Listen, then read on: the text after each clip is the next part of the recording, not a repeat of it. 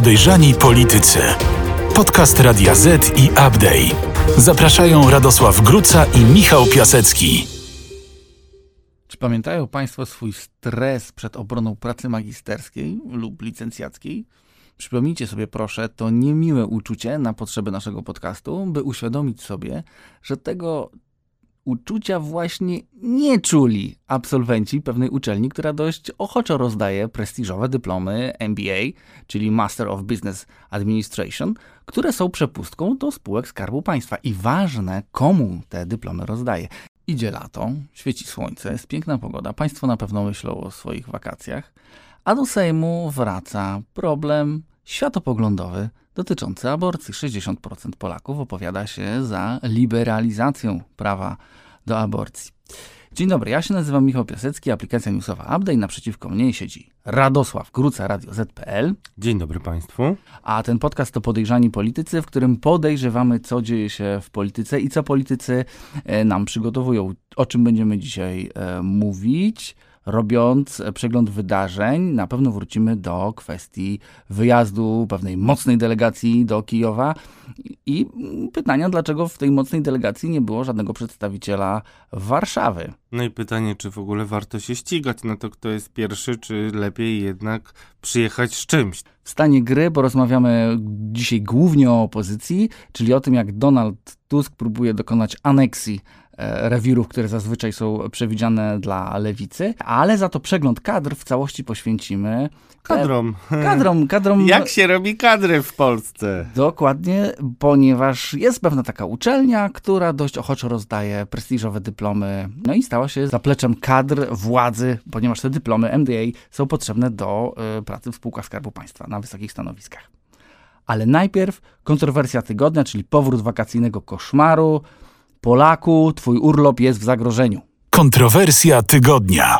Wraca wojna na linii kontrolerzy lotów Polska Agencja Żeglugi Powietrznej, czyli tzw. Tak PASZP. Wojna, bo jak przypomnę, e, wiceprzewodniczący Związków Zawodowych Kontrolerów Ruchu Lotniczego Andrzej Fenerych powiedział w maju, że zawarte porozumienie to jedynie rozejm i nie ma mowy o końcu wojny. No więc rozejm, drodzy Państwo, właśnie się skończył. Mamy więc wakacyjny alert, czyli uwaga Polacy, jest duża szansa na to, że jednak nigdzie nie polecicie w te wakacje, a jeśli polecicie, to najpierw z dużym stresem i w dygocie, czy wasz samolot odleci o czasie, tak więc nerwy, kolejki, strach, wakacje grozy, jakby to w tabloidzie napisano. Ale niech się Państwo nie przyzwyczajają, to nie jest wina Putina. Od razu możemy Państwu wytłumaczyć, bo... Zabawna jest narracja dookoła tego sporu, bo oczywistym jest, że zbliżające się lato to jest karta przetargowa w ręku kontrolerów. Z drugiej strony jednak chaos, który panuje na lotniskach w całej Europie, e, i względny spokój, który do tej pory mieliśmy tutaj w Polsce, to jest z kolei wypięta pierś władzy do, do orderu. I teraz tak, Anna Garwolińska, pełnomocniczka Związku Zawodowego Kontrolerów Ruchu Lotniczego, mówiła w serwisie Money.pl tak. Niestety, PASZP wycofuje się z porozumienia, wakacji nie będzie. Na co odpowiada Rusłana Krzemińska, rzeczniczka prasowa e, PASZP. PASZP nie wycofuje się z porozumienia, konsultacje trwają, nadal toczą się spotkania wewnętrzne poświęcone m.in. kodeksowi etycznemu. I komu wierzysz? Kodeksowi etycznemu. Więc pytanie jest, o co tu chodzi? Rozejm miał, e, ten rozejm, e, przerwa w wojnie miała trwać do 10 lipca, a teraz się okazuje, że 1 e, lipca no, 100 kontrolerów może, może zawiesić swoją działalność zawodową, w związku z czym Polacy są uziemieni na lotniskach. O co tu chodzi? Ja słyszałem, że nie 100, tylko 120, a i tak to jest pewien zysk ze strony władzy, bo wcześniej rzucić papierami miało nawet 180. Tak naprawdę do momentu, aż wybije ta data 10 lipca, nie będziemy y, wiele wiedzieć. Wiemy natomiast zdecydowanie, kto za to odpowiada, albo nawet kto jest temu winien. No dobrze, to kto jest temu winien, że znów wraca ten stres Polaków i, jeszcze, żeby była jasność, drodzy Państwo, no to, że się stresowaliśmy w maju, e, czy polecimy na wakacje, to jest nic w porównaniu z tym, jak stresujemy się teraz w lipcu, czy na nie polecimy. W ogóle od tego trzeba zacząć, że majówka, usłyszałem to od ludzi z rządu, na majówkę nasi wyborcy nie latają, więc niech się martwią, bo my na tym nie stracimy politycznie. A na wakacje, sam wiesz, drogi Michale, latają wszyscy. Czy się chce, czy się nie chce. No tak, a te wakacje są w ogóle szczególne, dlatego że z jednej strony to są wakacje pokowidowe, z drugiej strony to są wakacje z bardzo wysoką inflacją. Wiele osób, jeżeli już decyduje się na wyjazd, to jest to wyjazd bardzo wycyzelowany, na który bardzo czekają. No i teraz okazuje się, że jednak on jest, e, e, e, e, e, palą się czerwone lampki, jest w zagrożeniu. Znaczy, to jest naprawdę realny problem dla rządzących. Moim zdaniem, zważywszy na to, że horyzont, na jaki spoglądają nasi politycy, ho horyzont. y, y, Wydarzeń najbliższych, czyli do najbliższych wyborów. Nie, czyli no tak, do najbliższych sondaży, może do najbliższych, nie no, wybory to w ogóle nie znam takich y, dinozaurów, które by się zajmowały czymś bardziej y, dalej y, w przyszłości. Nie, mówiąc zupełnie poważnie, to są wakacje, na które bardzo wielu z nas czekało. Wszyscy będziemy przepłacać, umówmy się, bo już sama inflacja powoduje, że przepłacamy, ale badania opinii publicznej są takie, że na czym, jak na czym, ale na wakacjach oszczędzać nie będziemy. I teraz nagle cały na czarno wjeżdża konflikt w paszpie. Okej, ale kto jest temu winien? Odpowiedzialny za to jest Andrzej Adamczyk, minister magister infrastruktury. Jest ministrem najdłużej panującym chyba w infrastrukturze. Ministrem, który został magistrem, czyli zdobył wyższe wykształcenie już po tym, jak objął ministerstwo. A właśnie, właśnie, bo ty kiedyś pisałeś o tym, że jak, jak, jak minister został magistrem. Tak, i to lata temu i do dzisiaj nawet nie jesteśmy w stanie się dowiedzieć, jaki był temat pracy. Był taki PR-owiec Leszek Kraskowski, był dziennikarz utalentowany, który doradzał panu Adamczykowi, a później e, popadł z nim w konflikt e, w związku z tym, że zarzucał Adamczykowi bierność w stosunku do różnych korupcyjnych układów. No, próbował się dowiedzieć, jaki jest temat tej pracy nawet przez sąd, ale ostatecznie ustalił w sumie tylko szkołę i mniej więcej terminy dosyć szybkie, w jakich y, udało się ministrowi obronić pracę y, oraz między innymi to, że na tej samej uczelni taki znany intelektualista jak Mariusz Pudzianowski, y, największy mózg KSW i innych sztuk. To jest bardzo inteligentna osoba swoją drogą. Ale okej, wiesz co, zostawmy ten temat, bo wrócimy jeszcze do tego, mm, do kwestii edukacji przy przeglądzie kadr. Mamy tam dla Państwa bardzo ciekawy temat. No to Ale wróćmy teraz do, do ministra. Dlaczego minister jest Twoim zdaniem winny całemu temu chaosowi? To nie jest tak, że kontrolerzy chcą zarabiać więcej, specjalnie wyczekali moment, kiedy Polacy lecą na wakacje, aby Ale ile postawić, czekali? no, ja, ja, ja postawić pisałem, ten biedny rząd pod ścianą. pisałem dwa lata temu ponad, bodajże w zimę. Przedstawiałem opinii publicznej y, dane y, dotyczące porównania zarobków i, i jak dobrze mają Polacy, polscy kontrolerzy na tle innych. No więc ten spór trwa i trwa. I najpierw odpowiedzialnym, tam się zmieniali w ogóle odpowiedzialni. To też pokazuje, że nie mamy ciągłości zarządzania w państwie. Tam mm, kilku jednak ludzi przeszło i przez PASZP, y, i przez y, ministerstwo. Częściowo oni znaleźli się potem w tym centralnym porcie komunikacyjnym w CPK-u. Ludzie, którzy odpowiadali za PASZP.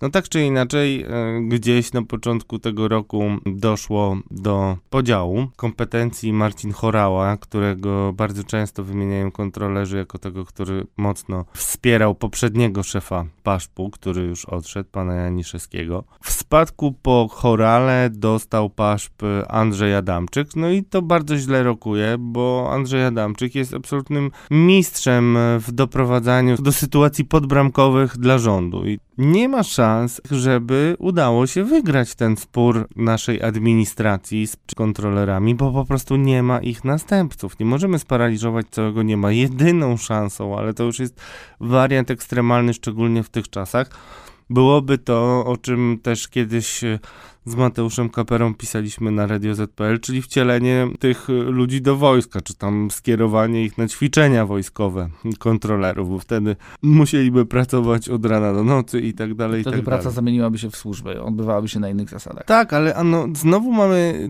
To, co się teraz dzieje w paszpie, to jest efektem kilku procesów charakterystycznych dla tej władzy. Czyli brak ludzi kompetentnych, a jeśli już mamy ludzi kompetentnych, to są to ludzie pozbawieni innych kompetencji niezbędnych na ich stanowiskach, czyli kompetencji interpersonalnych, bo nie jest tajemnicą, że e, to, co się dzieje teraz, czyli powrót tego sporu, o którym słyszeliśmy przed majówką, dotyczy między innymi przepisów dotyczących przeciwdziałania mobbingowi albo innego zagospodarowania starszych kontrolerów, którzy nie powinni już e, naprowadzać samolotów w pewnym wieku ze względu na to, że trochę ich e, kompetencje motoryczne, jak każdemu organizmowi ludzkiemu, się obniżają i oni mieliby zostać skierowani na, jako tacy nauczyciele. Także zapisy dotyczące zgłaszania nieprawidłowości, czyli zapisy dotyczące sygnalistów. Rząd chce pokazywać oczywiście, że to jest tylko kwestia kasy i że oni chcą więcej zarabiać, dużo zarabiać. No, wystarczy posłuchać też dzisiejszego występu jednego z liderów kontrolerów mm, w Radio Z, który no, wypadał tak co najmniej, myślę, dla niektórych dwuznacznie, ale na koniec dnia liczy się to, czy polecisz ze swoimi kochanymi e, na wakacje, czy nie. No właśnie, I rząd jest... doprowadza znowu do sytuacji, to rząd za to odpowiada to trwa latami, a cały czas nie ma żadnego innego e, wyjścia niż się z tymi kontrolerami dogadać, bo dwa lata temu nikt się nie zastanowił, że może być taka sytuacja, że oni wszyscy zagrożą zwolnieniem z pracy, no to próbujmy znaleźć, zatrudnić, zakontraktować, wyprodukować, nazwijmy to mm, oględnie. Czyli każda grupa zawodowa, która chce uzyskać y, jakiś efekt swoich postulatów, musi doprowadzić do kompletnego zwarcia, tak? Zagrozić paraliżem, zagrozić, I to też nie daje... strajkiem, bo inaczej nikt nie chce z nimi rozmawiać, tak? Do tego zmierzamy? Ale prawda jest taka, że nawet takie zwarcie nie zawsze działa. Znaczy bez takiego zwarcia w ogóle rzadko kiedy udaje się jakimś... Czyli rozwiązanie grupom, siłowe to jest jedyne rozwiązanie? Które ta władza rozumie. No to, to jest niestety fakt y,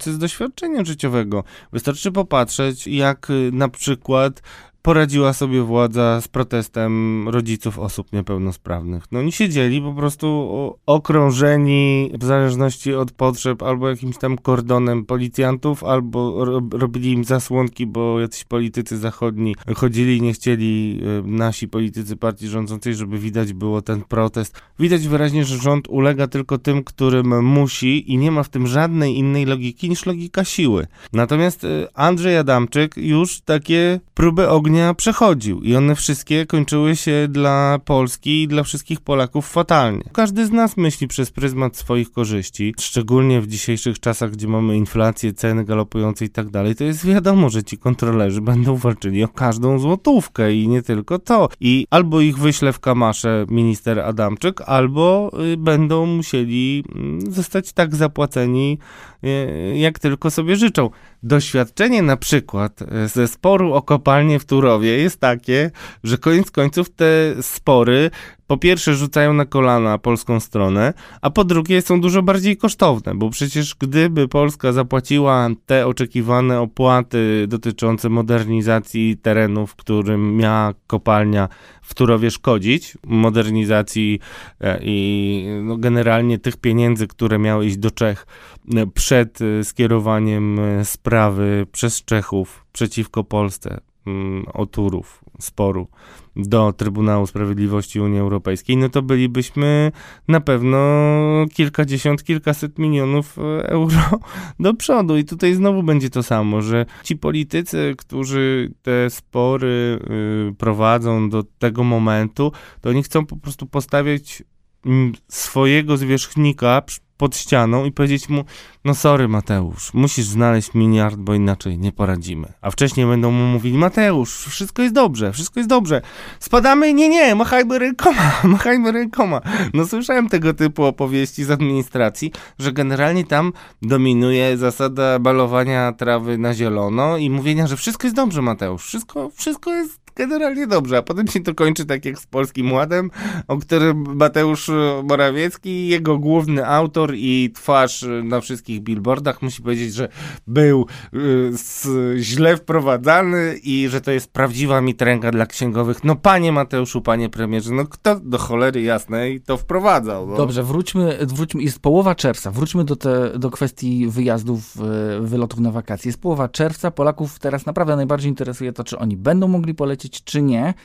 No i to jest pierwsze pytanie, czy będą mogli polecieć, czy nie, ale drugie jest takie, to w takim razie, jeżeli z twojej najlepszej wiedzy wynika, że ten spór zostanie po raz kolejny jak gdyby naklejony na niego plaster, przeczekamy lipiec, przeczekamy sierpień i będziemy mieli na jesieni e, przy następnym długim weekendzie e, bądź na święta Bożego. Narodzenia ten sam problem, czy jest szansa na to, że on wreszcie zostanie rozwiązany? Tak zwane rozwiązania systemowe to dla tej ekipy nie są czymś, z czego dała się nam szczególnie mocno poznać. Zacznijmy od tego. Z- Doraźne to są te, które widzimy na co dzień, bo przypominam, że my właśnie nowelizujemy i zmieni- zmieniamy Polski Ład, który był od roku ponad przygotowywany i miał być w ogóle rewolucją dla każdego Polaka i jeszcze Rewolucją to on jest, i bo dla wszystkich, trzeci, ale trzeci nie, porządek miał być- ekonomiczny podatkowy w tym roku. ale miał być pozytywny lub neutralny dla wszystkich Polaków. No więc nie wiem, księgowi od razu tracą obywatelstwo, chyba standardowo.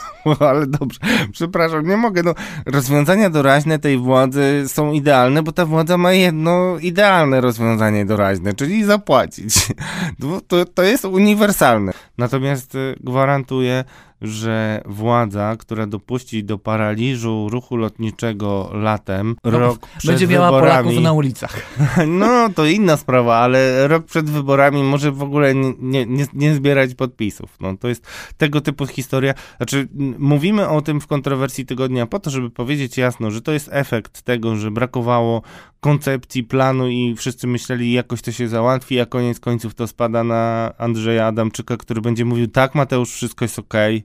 No, a jeszcze m, jako, że szef Ministerstwa Infrastruktury Andrzej Adamczyk to jest najbliższy e, współpracownik, w zasadzie promotor kariery Beaty Szydło, no to wiadomo, że on też jakby tych problemów, które premier może mieć, niekoniecznie będzie tak bardzo zdeterminowany, żeby rozwiązywać No, rozumiem, te problemy. Twoim zdaniem jest gotowy się poświęcić, aby premiera osłabić. Nie, premier po prostu na koniec końców będą musieli albo dać kasę, albo skapitulować, albo zrobić wariant wojskowy. Jeżeli im w badaniach wyjdzie, że Polacy zaakceptują jakieś rozwiązanie siłowe, byleby tylko polecieć na wakacje i uda się tą grupę zawodową kontrolerów e, tak ubabrać, obrzydzić, tak jak się to robiło czy z nauczycielami, czy z innymi protestującymi e, grupami, zarzucając im chciwość, jakieś niskie pobudki. Ci dużo zarabiają, ci krótko pracują, ci mają wcześniej emeryturę. To jest... Kanapeczki z wołowiną jedzą. no, o tak, jeżdżą do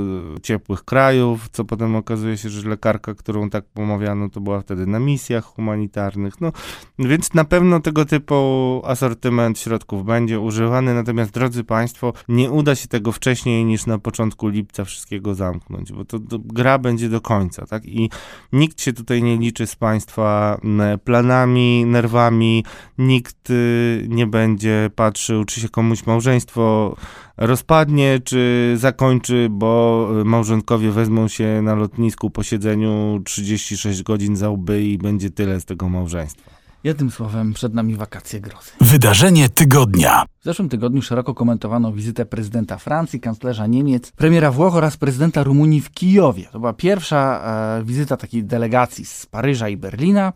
Y, No a w Warszawie z tej okazji rzucano patykami w naszego szefa rządu z pytaniami, dlaczego nikt z Polski nie podłączył się do tego wyjazdu. Premier odpowiedział w skrócie, bo- już tam byliśmy, y, gdy wszyscy inni się bali, czyli jeździliśmy do Kijowa zanim to było modne. Były szef MSZ Witold Waszczykowski postanowił podsumować cały ten wyjazd do Kijowa takim złośliwym obrazkiem, fotomontażem, na którym jest Wołodymyr Załęski stojący razem z e, Macronem, Scholzem i e, Mario Dragim, którzy no, sięgają mu gdzieś tam, gdzieś tam do kolan. To jest taki fotomontaż, tak, takie karły w Kijowie polityczne i Witold Waszczykowski właśnie używa takiego hasła o politycznych karłach. No ale pytanie jest, dlaczego Mateusz Morawiecki lub Andrzej Duda nie pojechali mm, do tego Kijowa razem z delegacją?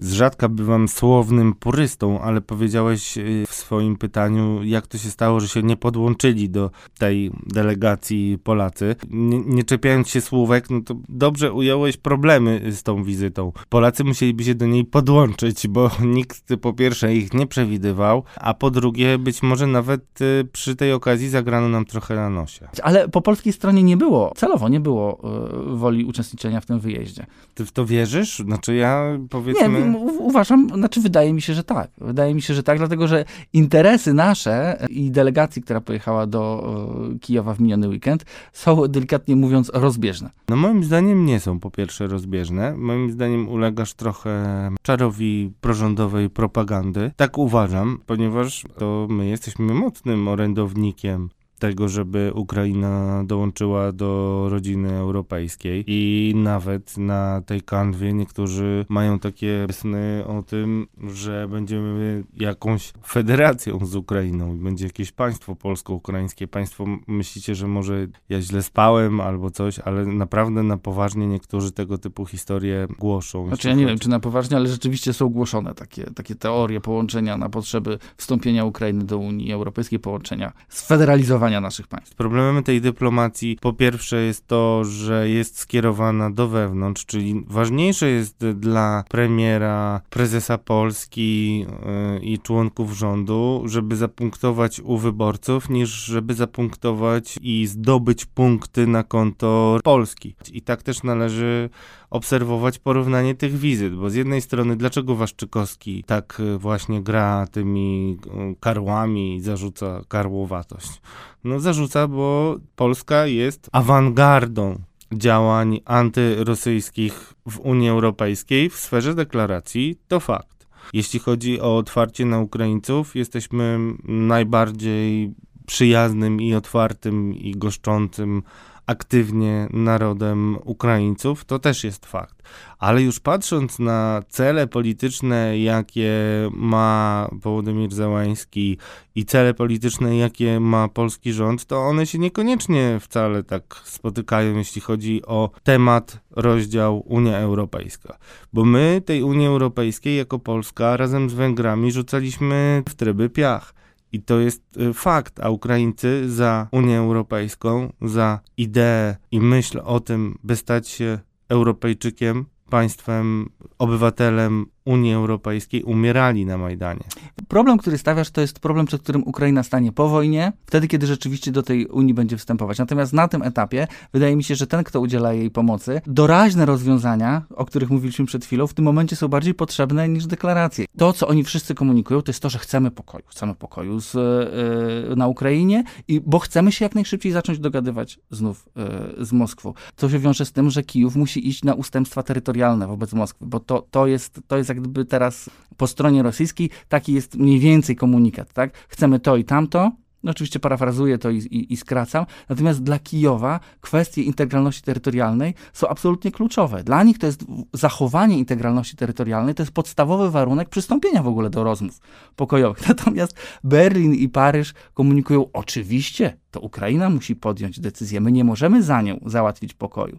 I w tym momencie Wołodymyr Załański znajduje się pod olbrzymią presją, że owszem, może być pokój. I Paryż, i Francja i Berlin, i, i Niemcy pomogą w uzyskaniu tego pokoju, ale w zamian za naruszenie tej integralności. Dlatego, wiesz, dlatego mówię, że to problem, o którym mówisz, on jest troszeczkę dalej niż, e, niż e, chwila teraz. Bo ty mówisz o innej perspektywie problemu, to znaczy to, co się dzieje teraz y, na wojnie, to po pierwsze chciałem cię ostrzec, że podobne głosy będą się coraz częściej pojawiać y, nad Wisłą. Jeśli chodzi o tą historię, to wystarczy powiedzieć jedno. No, Witold Waszczykowski jest byłym ministrem spraw zagranicznych zagranicznych. Naprawdę od kogo jak od kogo, ale od szefa dyplomacji należy jednak oczekiwać jakiegoś minimum zrozumienia tego, w jaki sposób się prowadzi politykę i że jest to raczej sport, w którym używa się skalpela, a nie cepa. Najgorsze dla mnie jest to, że tutaj ci, którzy ubolewali, rwali włosy z głowy, że Polski nie ma przy tym stole, zapominają o tym, jak polskie prawicowe media chełpiły się, a patrzcie, my byliśmy pierwsi w Kijowie, a Szolca nawet nie chcieli wpuścić Olafa Szolca. I to było w okolicach czasowo tej pierwszej wizyty. No, to jest totalnie durna polityka, musisz przyznać. Jeżeli... Ale nie, nie do końca rozumiem teraz, komu stawiasz zarzut? Czy tym, którzy do, do Kijowa Stawiam pojechali, czy tym, którzy temu, teraz pytają, dlaczego premier nie rozumie, tam nie pojechał? Stawiam zarzut wszystkim, którzy nie rozumieją, że powinna być jedna wizyta i powinniśmy szukać możliwie szerokiej delegacji, która wspólnie by tam pojechała i zamknęła pewne rzeczy. Mój Mój problem z tym, co się wydarzyło, yy, polega na tym, że denerwuje sytuacja, w której władza w ogóle nie liczy się z unijnymi partnerami w żaden sposób, nawet nie próbuje ich przekonywać do swoich racji, często je mając, e, tylko skupia się na takim wytykaniu różnych błędów, które są oczywiście i po stronie Niemiec, i po stronie Francji, można różne wymieniać, ale to jest przeciwskuteczne. I to nie pomaga ani Polsce, ani Ukrainie, paradoksalnie, drodzy Państwo. Ale nie wydaje mi się, żeby, żeby w ogóle Ukraina była na tym etapie, gdzie y, zastanawia się nad tym, czy Polska jest jej do czegoś potrzebna, czy nie. W tym momencie, i, i to jest głos, który tak, z Kijowa się... są potrzebni, tak. To raz, że wszyscy są potrzebni, dwa, że naprawdę Polska jest kluczowa, chociażby przez swoje położenie, jest absolutnie kluczowym państwem, jeżeli chodzi o jakąkolwiek pomoc. I oczywiście, że wyjazd polskiej delegacji wtedy, kiedy Kijów był jeszcze ostrzeliwany, miał pewnego rodzaju charakter wyborczy, ale tak samo charakter wyborczy miał teraz wyjazd, chociażby chociażby Emmanuela Macrona, który pojechał do Kijowa dokładnie na tydzień przed drugą turą u siebie wyborów parlamentarnych, które zresztą notabene przegrał. Tak, drodzy Państwo, nie dajmy się omamić. Polityka jest brudna i zła nie tylko nad Wisłą. Wydarzenie tygodnia. Podczas posiedzenia Sejmu w tym tygodniu posłowie zajmą się e, obywatelskim projektem ustawy liberalizującym dostęp do aborcji. I teraz w zasadzie mam dwa pytania. Pierwsze jest takie, czy zajmowanie się takim projektem w ogóle ma sens? Bo ja już wiem, co z tym projektem się stanie. To jest pierwsze pytanie. Drugie pytanie jest takie.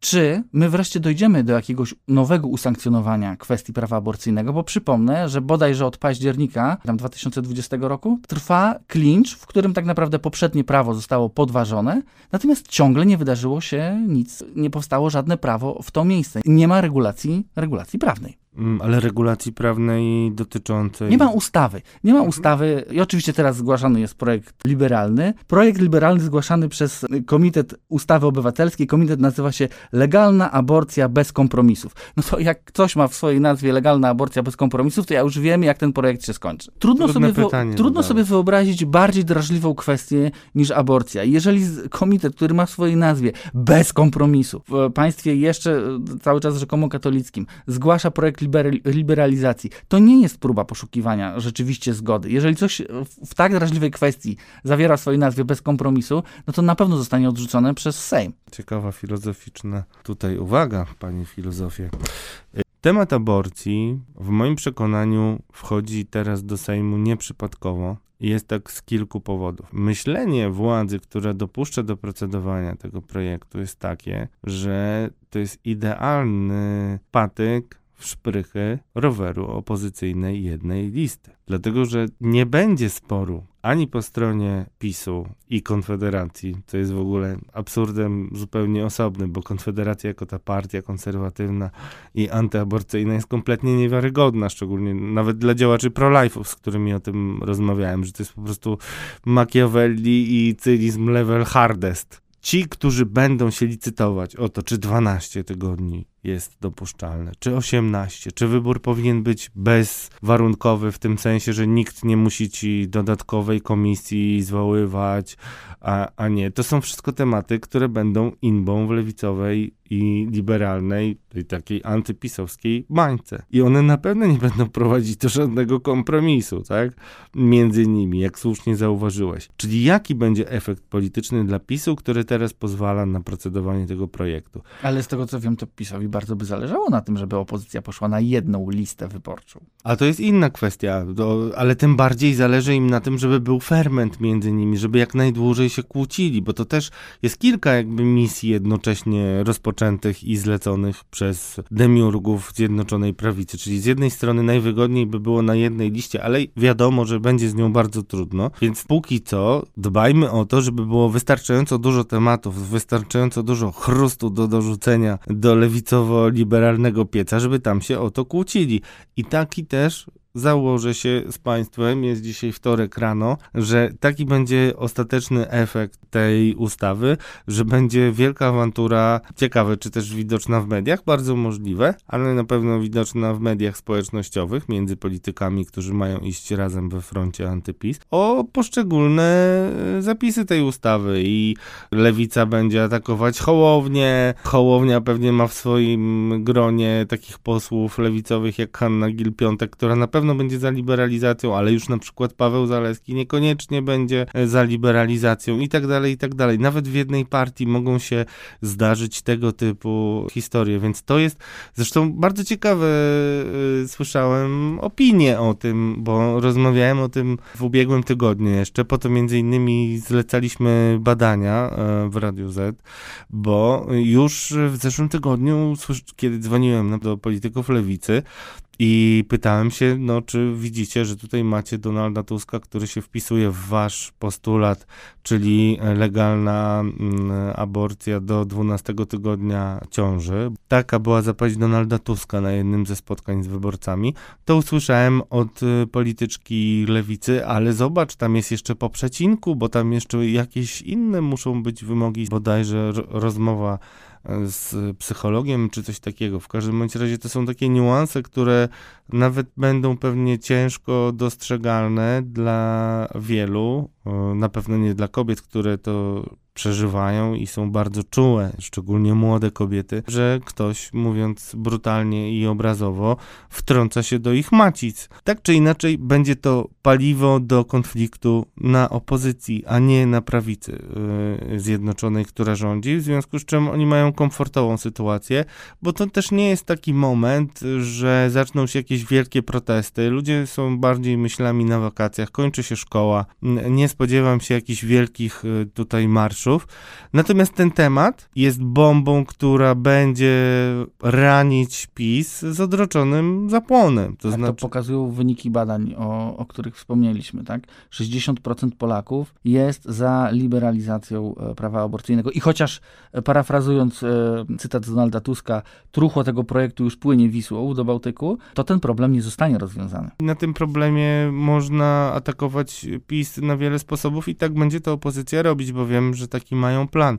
Na pewno będą grać na tym, że aborcja, mamy najbardziej restrykcyjne prawo aborcyjne w Unii Europejskiej. To jest primo. Druga rzecz, czyli sekundo, to kwestia tego, że większość Polaków krytycznie podchodzi do tej decyzji Trybunału Julii Przyłębskiej, nazywanego konstytucyjnym, dlatego, że no, same spoufalanie się pani Przyłębskiej no nie pozostawia wątpliwości, że to jest realizacja tego, czego władza od niej oczekuje. Spoufalanie się oczywiście z prezesem między innymi. PiSowi zaszkodziły najbardziej dwa tematy. Jeden to były podwójne pensje, czyli te premie jeszcze zarządów Beaty Szydło, gdzie ujawnił je Krzysztof Brejza i był spadek 12% e, bodajże od razu, kiedy Polacy się zorientowali, że jednak ta władza też jest dla pieniędzy.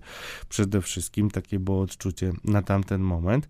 A druga rzecz y, to e, właśnie strajki e, kobiet i ta decyzja mm, o, e, o zaostrzeniu prawa aborcyjnego, zniszczenia kompromisu, zgniłego, ale jednak kompromisu, który przetrwał wiele, wiele lat. I teraz już gin został wypuszczony z butelki. I to nie jest tak, że ten temat został zapomniany, bo to jest cały czas beczka prochu. Aborcja i kwestia praw kobiet po pierwsze są beczką prochu, po drugie wystarczy iskra, żeby dały serię spektakularnych wybuchów. Dlatego też właśnie pytałem, czy to się kiedyś skończy, bo jesteśmy w stanie przejściowym, który trwa, trwa i trwa. I to jest, pojawia się projekt i mówię, nic z niego nie będzie, moim zdaniem. Natomiast problem nie jest rozwiązany i nie widzę jakichś ruchów w kierunku realnego rozwiązania tego problemu.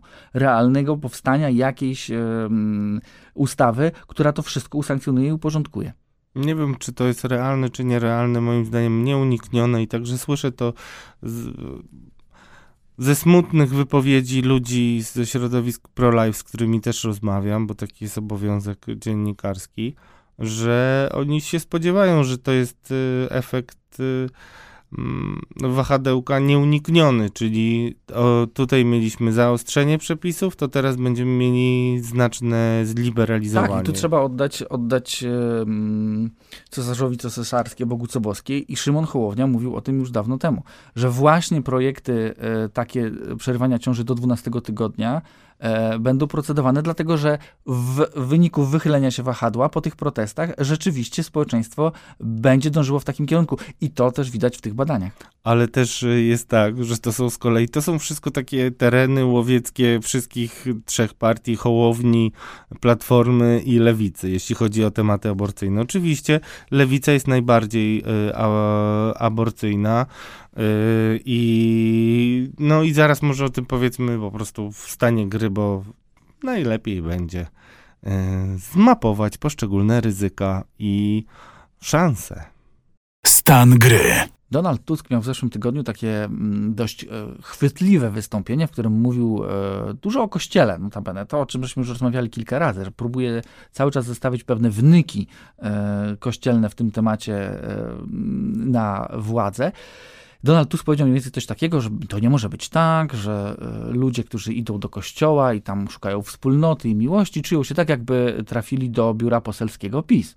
E, no i zaczęliśmy o tym rozmawiać. Teraz mówisz o zmapowaniu mm, pewnego ryzyka, jeżeli chodzi o poruszanie tematu e, czy kościoła, czy tematu aborcji dla tych głównych e, partii opozycyjnych. Jak to wygląda? Bo tu Donald Tusk, no aneksja to jest mało powiedziane, to co próbuje zrobić z zajęciem pewnych lewicowych, tradycyjnie lewicowych tematów. Aborcja jest tematem w którym lewica w sumie nie ma konkurencji, ale ten elektorat, że tak powiem, proaborcyjny, też do lewicy ma różne zastrzeżenia, bo ma zastrzeżenia, że kiedy rządzili, nic nie zrobili i tak dalej, i tak dalej. Mimo, że lewica jest spójna od wielu, wielu lat w tym, co proponuje, jeśli chodzi o aborcję i nigdy Mm, no od przynajmniej dekady jest tutaj jednoznaczna, ale już y, dla Donalda Tuska, który rządził jednak y, bliżej mm, dla niektórych czasowo niż Lewica, bo przecież Platforma rządziła 8 lat, Lewica rządziła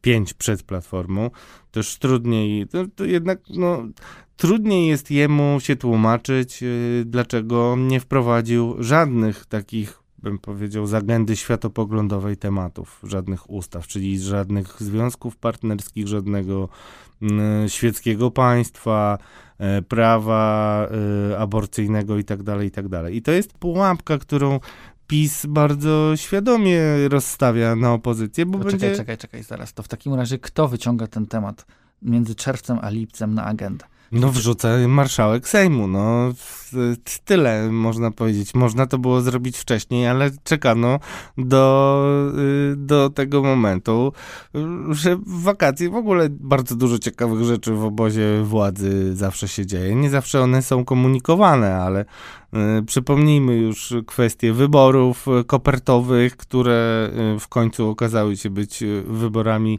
wakacyjnymi. W kadencji 2005-2007 z kolei latem wybuchła afera gruntowa, która zakończyła e, tą ekipę. Dużo zawsze rzeczy latem e, się dzieje, jeśli chodzi o, o, o tę ekipę i, i na pewno nie inaczej będzie e, tym razem.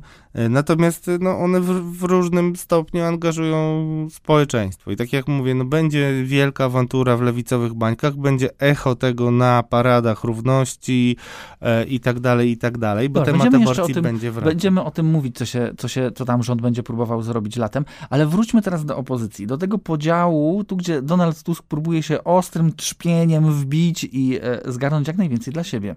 No i znowu mieliśmy kolejny tydzień. Po pierwsze mówiliśmy już o tych wnykach kościelnych zestawionych, ale idziemy też generalnie w tematy światopoglądowe i to jest kolejne zaproszenie, kolejna prowokacja ze strony Donalda Tuska. Zresztą moim zdaniem coraz bardziej one chwytają i są celne.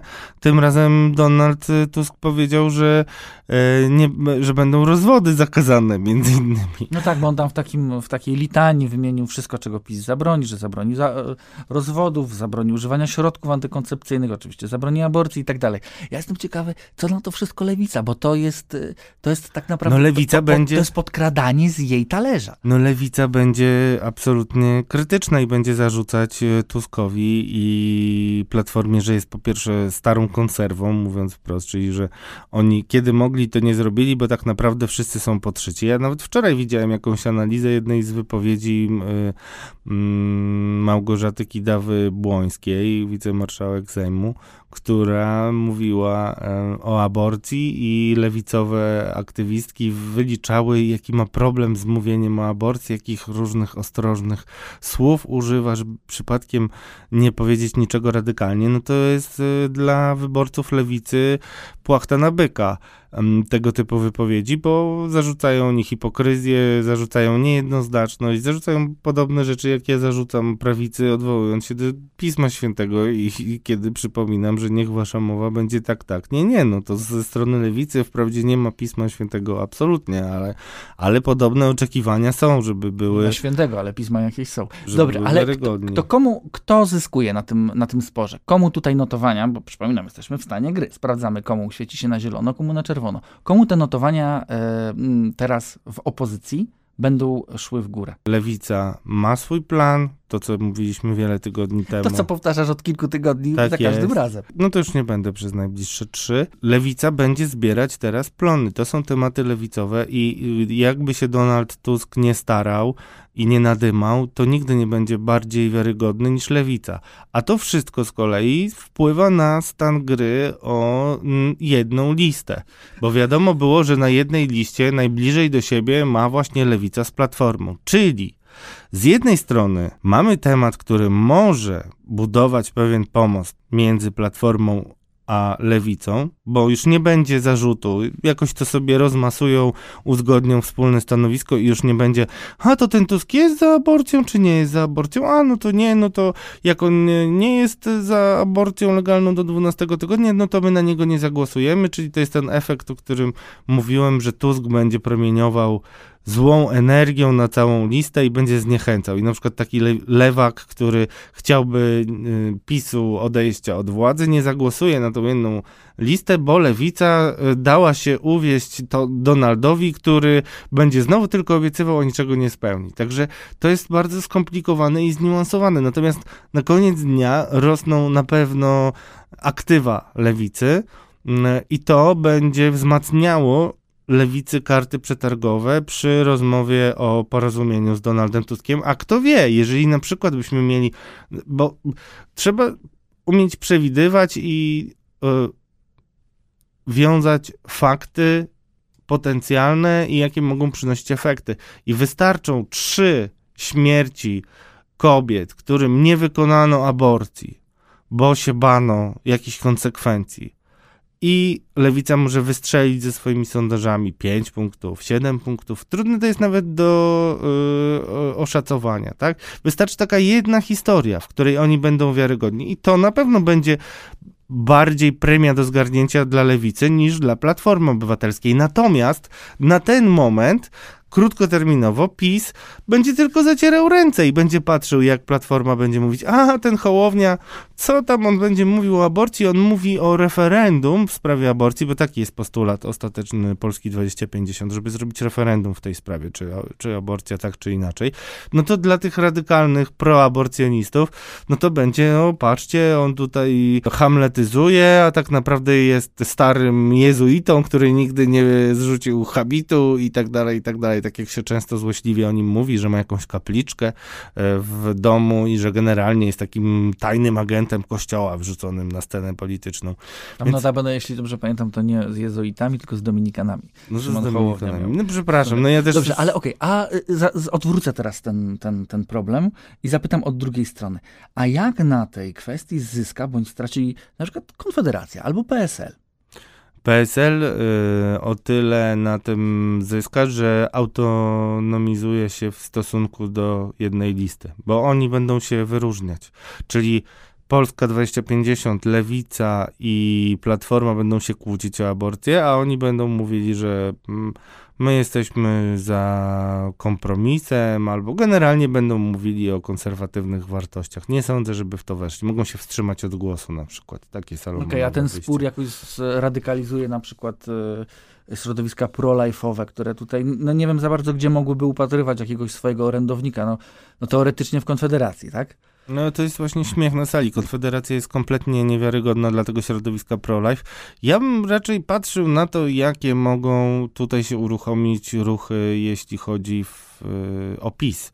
To znaczy Zakładam, mm, ale też nawet widziałem Ale pierwsze... czekaj, czekaj, wiesz, bo my obiecaliśmy, że nie będziemy mówić w stanie gry o Ale tylko jednym zdaniem. Zakładam, że wróci Redaktor- Bartłomiej redaktor Gruca nie Wróblewski. wytrzyma.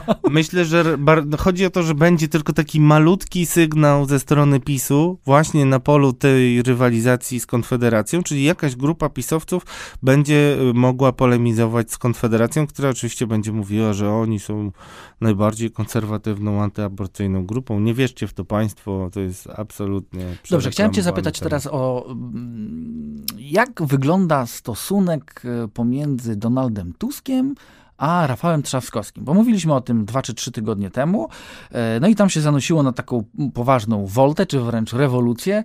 E, I jak to wygląda teraz? Bo trochę czasu minęło i co, panowie będą się rozdzielać, czy idą dalej razem pod rękę? No, jak wiadomo, się to zmienia. O ile wcześniej byłem skłonny bardzo długo mówić, że Rafał Trzaskowski jest zdeterminowany, no to ostatnio jednak słyszę o zupełnie innych myślach e, Rafała Trzaskowskiego i myślach o to, żeby jeszcze poczekać, aż się Donald Tusk ostatecznie wykrwawi. Czyli nie będzie zwarcia y, między panami. Rafał Trzaskowski nie zdecyduje się na wyjście z Platformy Obywatelskiej i zabranie swojego, nie wiem jak to nazwać, czy to jest ugrupowanie, swoich entuzjastów poza Platformę. Rafał Trzaskowski chyba y, zwrócił się filozoficznie na wschód i jest jak ten, który siedzi nad brzegiem i czeka, aż, Aż e, miska ryżu sama przypłynie. aż zwłoki jego przeciwników spłyną z nurtem rzeki. I wydaje się, że dzisiaj ten y, moment mm, u Rafała Trzaskowskiego wygrywa. Znaczy, Okej, to czyli ta na co, on, na co on czeka? Do, jakiego, do którego momentu chce czekać Rafał Trzaskowski? Naprawdę chce czekać, aż już po prostu nic nie będzie y, i wtedy on wejdzie, wkroczy cały na biało? Ale to, to przestrzeń polityczna nie znosi, nie znosi próżni. Znaczy, dla, dla Rafała Trzaskowskiego Jeżeli on nie chce postawić się, e, przejąć, e, postawić się Donaldowi Tuskowi i przejąć e, tego elektoratu, to za chwilę będzie musiał walczyć o to samo zupełnie z kimś innym. No, znaczy, ale o co? O elektoraty nie, znaczy to walka między Tuskiem, ry, Opozycję.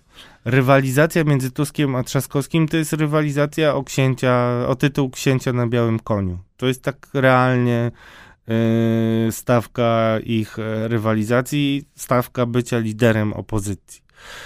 Natomiast widać w moim przekonaniu wyraźnie, że Donald Tusk już na ten tytuł ma średnie szanse, bo on już wrócił jednak, już tutaj nie ma Już, więcej. już wjechał i nie można zrobić drugi raz tego samego wrażenia, o czym rozmawialiśmy. No ale, no więc na, ja cały czas pytam, o na co czeka Rafał Trzaskowski? Rafał Trzaskowski czeka, aż e, ewentualnie Donald Tusk będzie przegranym w wyborach i wtedy wszystko, cała pula jakby zaszczytów, honorów i uznania dla takiego księcia na białym koniu nowego spłynie na niego samoistnie, bo już nie będzie nikogo innego. I Czyli podobno Rafał- taka dzisiaj jest Rafał, Trzas, emocja. Rafał Trzaskowski jest dla Donalda Tuska tym, kim Zbigniew Ziobro dla Mateusza Morawieckiego. To znaczy, po co jest dzisiaj taka kalkulacja ze strony ludzi Rafała Trzaskowskiego, że po co się bić, po co się y, napinać, skoro jeżeli Donald y, tak ostro licytuje, a ma duże szanse, żeby nie wygrać tych wyborów, no to wtedy władza wpadnie nam sama, bo będzie jednak przegranym. I jego czar, tego, który nigdy nie przegrał z Kaczyńskim, bo tak ten czar się nazywa, tak? Nigdy nie przegrałem z Kaczyńskim, bo kiedy on przegrał znaczy, kiedy jego platforma przegrywała w 2015 roku, to wtedy on już był e, przewodniczącym Rady Europejskiej, więc on dzisiaj walczy o to, żeby ten tytuł mu ciągle był przynależny, czyli zawsze wygrywałem z pisem. Jak przegra, to automatycznie cała scheda e, platformy, ale też generalnie tego, co się może stworzyć, czyli jakiegoś takiego centrolewicowego e, tworu, nawet, nawet jeśli nie par, partii, bo rac- raczej na to nie należy liczyć, to takiej koalicji centrolewicowej, właśnie Platforma Lewica, może Szymon Hołownia, no to, to, to dla nich wszystkich, dla wszystkich, o których teraz powiedziałem, Rafał Trzaskowski jest idealnym liderem. No dobrze, ale jeżeli przegrają wybory i Rafał Trzaskowski zgarnie wtedy całą tą pulę, to musi czekać do następnych wyborów. I to jest znowu czas, kiedy można to wszystko roztrwonić i stracić. No to zależy jak liczysz, bo dla Rafała Trzaskowskiego... To, trochę jest tak, że Rafał Trzaskowski teraz, on przegra walkowerem te wybory. E, no ale to nie on przegra, tylko przegra Tusk. No on, dobrze, a on, on będzie musi- mógł, on będzie mógł powiedzieć, no zaraz, ale, za, ale on ma super sytuację, bo tak, on jest dzisiaj prezydentem miasta. Trwa cały czas dyskusja na temat e, terminów e, wyborów, kiedy mają być. Właśnie do tego zmierzam, bo to chciałem zapytać. Jeżeli Rafał Trzaskowski odpuszcza te wybory teraz, to na które on czeka? Kiedy chce wy, na tym swoim białym koniu wjechać, ciągnąc za sobą Czy horyzont Donalda jest, bardzo, horyzont jest bardzo prosty i to są wybory prezydenckie następne, kiedy O, Duda właśnie. musi I o to chciałem zapytać. Będzie nowy prezydent tak czy inaczej i chce nim zostać e, Rafał Trzaskowski. Na to liczy najbardziej i to, to jest coś, w co celuje zarówno on, e, jak i Szymon Hołownia, który z kolei też e, ostatnio dodał do pieca. Nie wiem na ile to jest e, sprawdzona jeszcze informacja, ale e, słyszałem e, z szeregów e, PSL-u, e, być może nie jakichś super e, poinformowanych, ale na pewno w każdej plotce jest ziarno prawdy, że rozbawił człowiek Szymona Hołowni, czy sam Szymon Hołownię y, ludowców tym, że miał ciekawy bardzo warunek y, ewentualnej, ewentualnego sojuszu dla PSL-owców. Tak, jaki to był warunek? No, Coś mi się zdaje, że dotyczył Kośniaka Kamysza. Tak, to znaczy Szymon Hołownia, no to, to nie wiem, czy to dla państwa jest tak y, zabawne, ale ci moi rozmówcy z PSL-u to łapali się y, za brzuchy ze śmiechu, kiedy opowiadali, że Szymon Hołownia, ty wyobraź sobie, że Szymon Hołownia myśli, że my nie wystawimy Władka Koźniaka Kamysza. No on chyba jest chory, tak?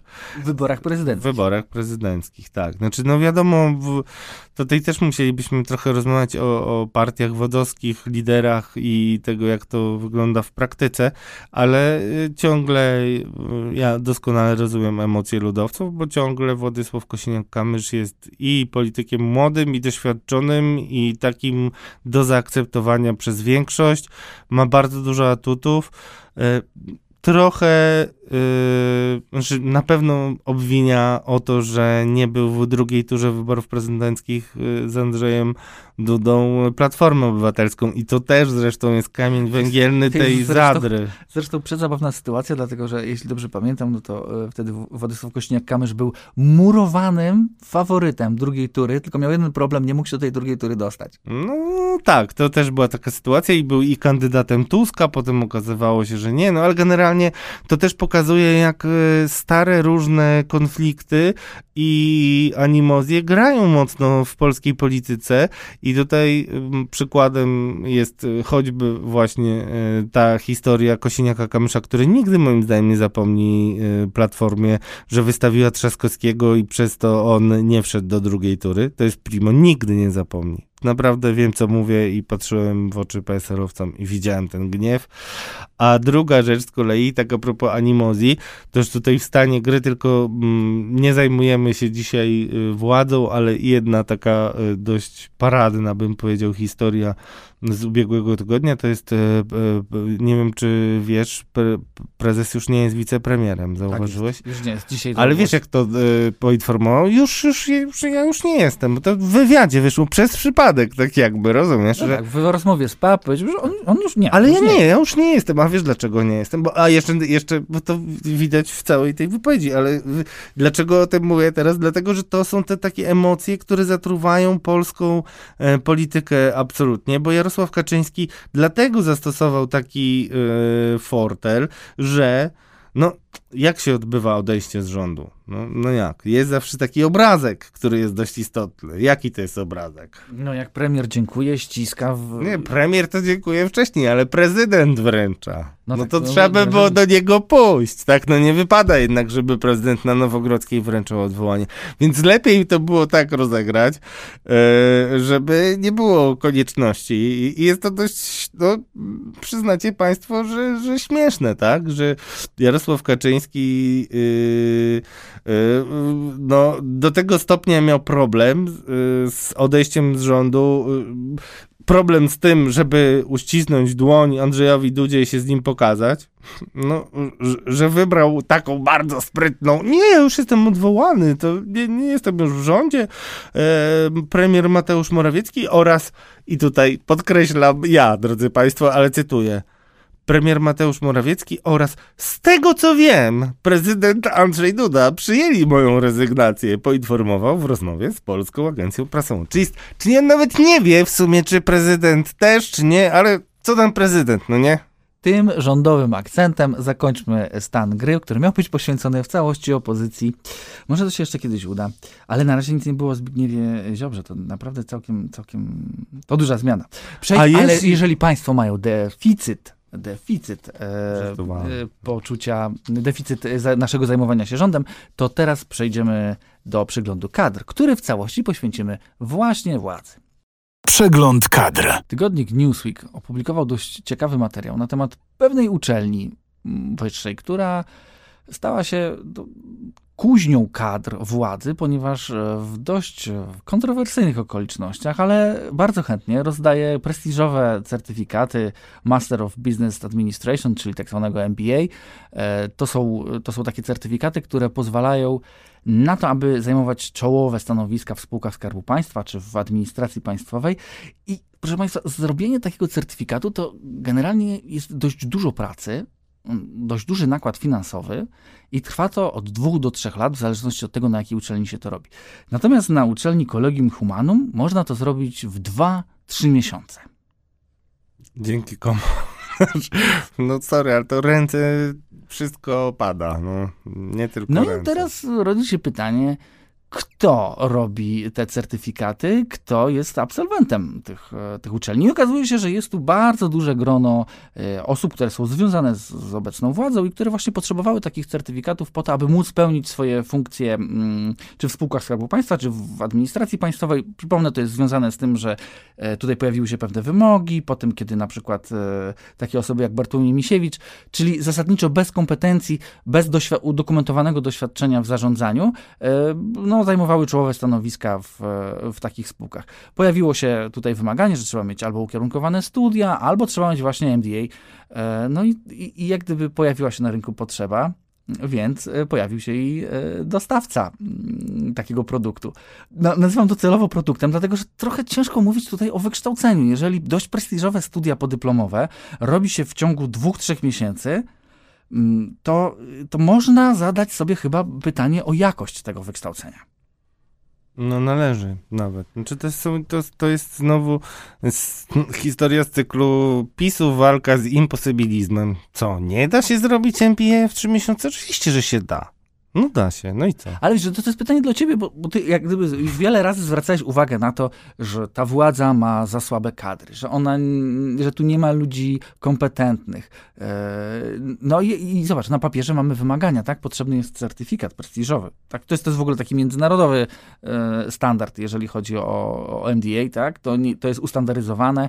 To nie jest, nie jest to łatwe do zrobienia, proszę Państwa. Tego się naprawdę, generalnie nie da się tego zrobić w trzy miesiące, chociaż jak się okazuje, chyba jednak się da.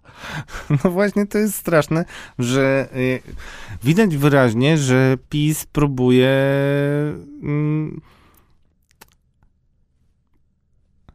PiS w tym wypadku robi to, w czym jest najlepszy, czyli stwarza pozory. To są tylko pozory tego, że ci ludzie, którzy są zatrudniani do spółek, mają jakieś kompetencje.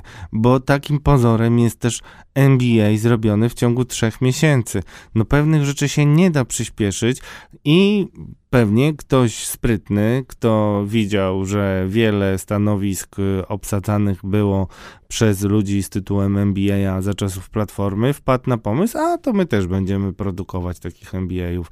No drodzy Państwo, jeżeli to są studia, które są po pierwsze y, trwają najczęściej dwa lata y, i wymagają i różnych sesji, ja znam wielu ludzi, którzy robiło MBA, to nie jest y, bułka z masłem. Naprawdę musisz się y, nad tym pochylić, a tutaj to wszystko wygląda na fikcję, znaczy, że co byś nie zrobił, no jeżeli w trzy miesiące każdy może robić, a pani w sekretariacie jeszcze zachęca, żeby wziąć dwa dodatkowe kierunki, bo będzie taniej, no to to pokazuje, że niestety PiS ma duże zasługi w zakresie tego, żeby Polacy przestali w ogóle mieć jakiekolwiek y, mm, uznanie dla ludzi, którzy skończyli studia, bo te tytuły y, naukowe, no niestety się strasznie zdezawuowały, między innymi przez tego typu tolerowanie y, uczelni, To prawda. które to... dają Pudzianowskiemu potem magistra, no, każdy nie matura, lecz chęć szczera zrobi z ciebie magistrera. No, No to prawda i rzeczywiście degradacja tych e, wartości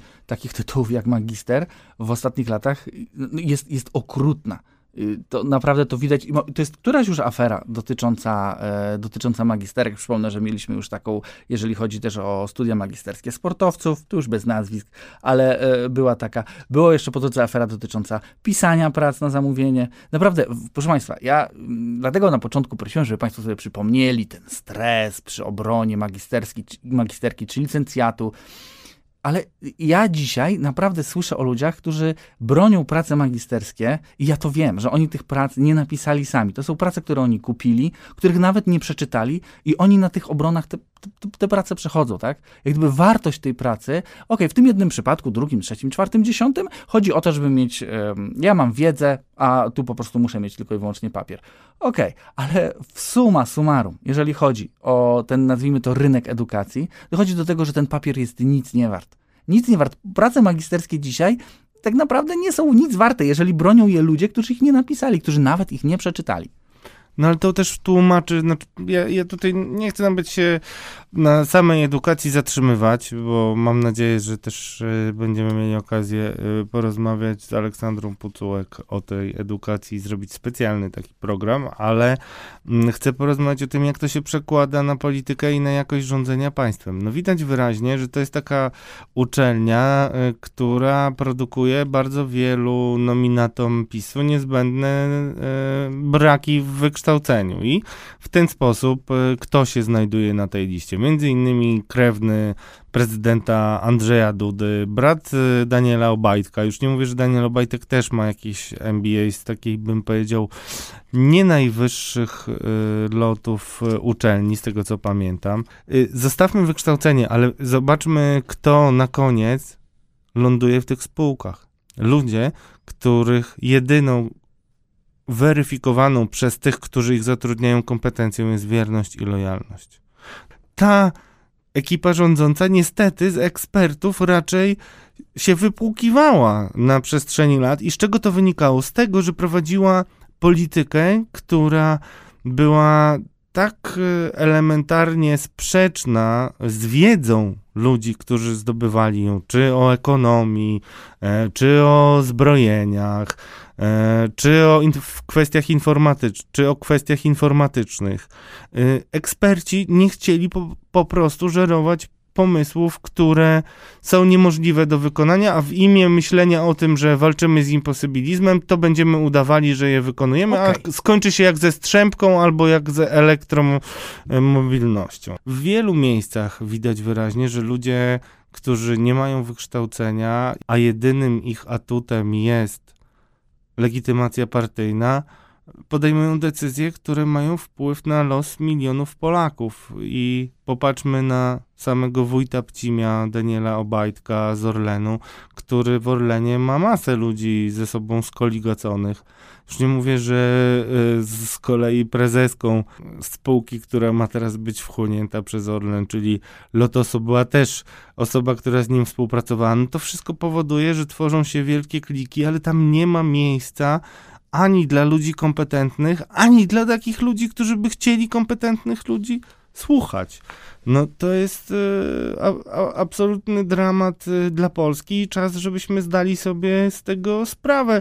Widać wyraźnie, że eksperci odpłynęli tak jak e, gotówka z Polski niedawno, więc brakuje ludzi, którzy są merytoryczni i którzy byliby słuchani, a potem niestety wychodzą takie sytuacje jak z Polskim Ładem, proszę bardzo. Przecież Polski Ład robili ludzie e, premiera i to byli ludzie nie głupi wcale, tylko nie posiadający doświadczenia i oni jakby zrobili Polski Ład na słupkach, nie rozumiejąc na przykład, że niektóre słupki są tylko słupkami w Excelu, natomiast w rzeczywistości się przenikają różne tego typu sytuacje. Warto jest o tym mówić, dlatego że brakuje ludzi też z pewnym stażem, z pewną wyobraźnią. To wszystko niestety jest bardzo niebezpieczne dla Polski i niestety każdy tydzień przynosi jakieś przykłady, które potem powodują, że premier mówi, że y, Polski Ład, który przecież tak reklamował niedawno i miał być taką ulgą i pozytywnym lub neutralnym dla wszystkich, większości Polaków